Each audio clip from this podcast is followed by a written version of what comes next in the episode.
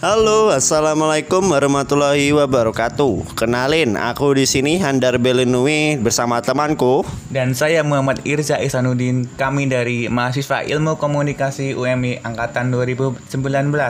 Kita berjumpa lagi di podcast sama nih.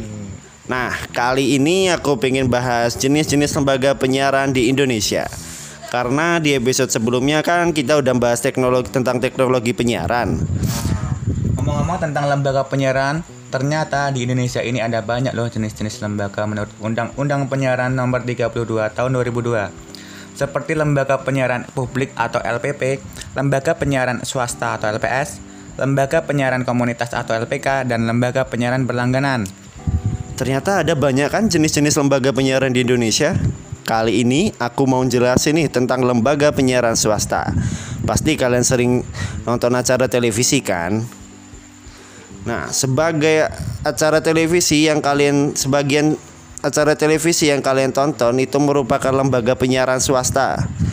Mungkin kalian tahu nggak sih kenapa lembaga apa itu lembaga penyiaran swasta? Nah, lembaga penyiaran swasta yaitu lembaga yang bidang usahanya khusus menyelenggarakan radio atau siaran televisi. Lembaga siaran swasta didirikan oleh warga negara atau badan hukum Indonesia. Nah, mungkin kalian bingung gimana sih lembaga penyiaran swasta mendapatkan keuntungan? Ternyata sumber pembiayaan lembaga penyiaran swasta tadi diperoleh dari siaran iklan. Di samping itu dengan usaha lain yang sah terik, terikat penyelenggaraan penyiaran.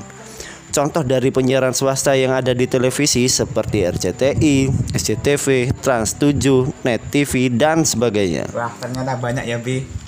Nah, mungkin sampai di sini dulu ya, Bi. Podcast bersama sama nih. Mani. Ya. Sampai jumpa di episode-episode selanjutnya di tetap di podcast sama nih. See you goodbye. Dah. Berapa menit anjing?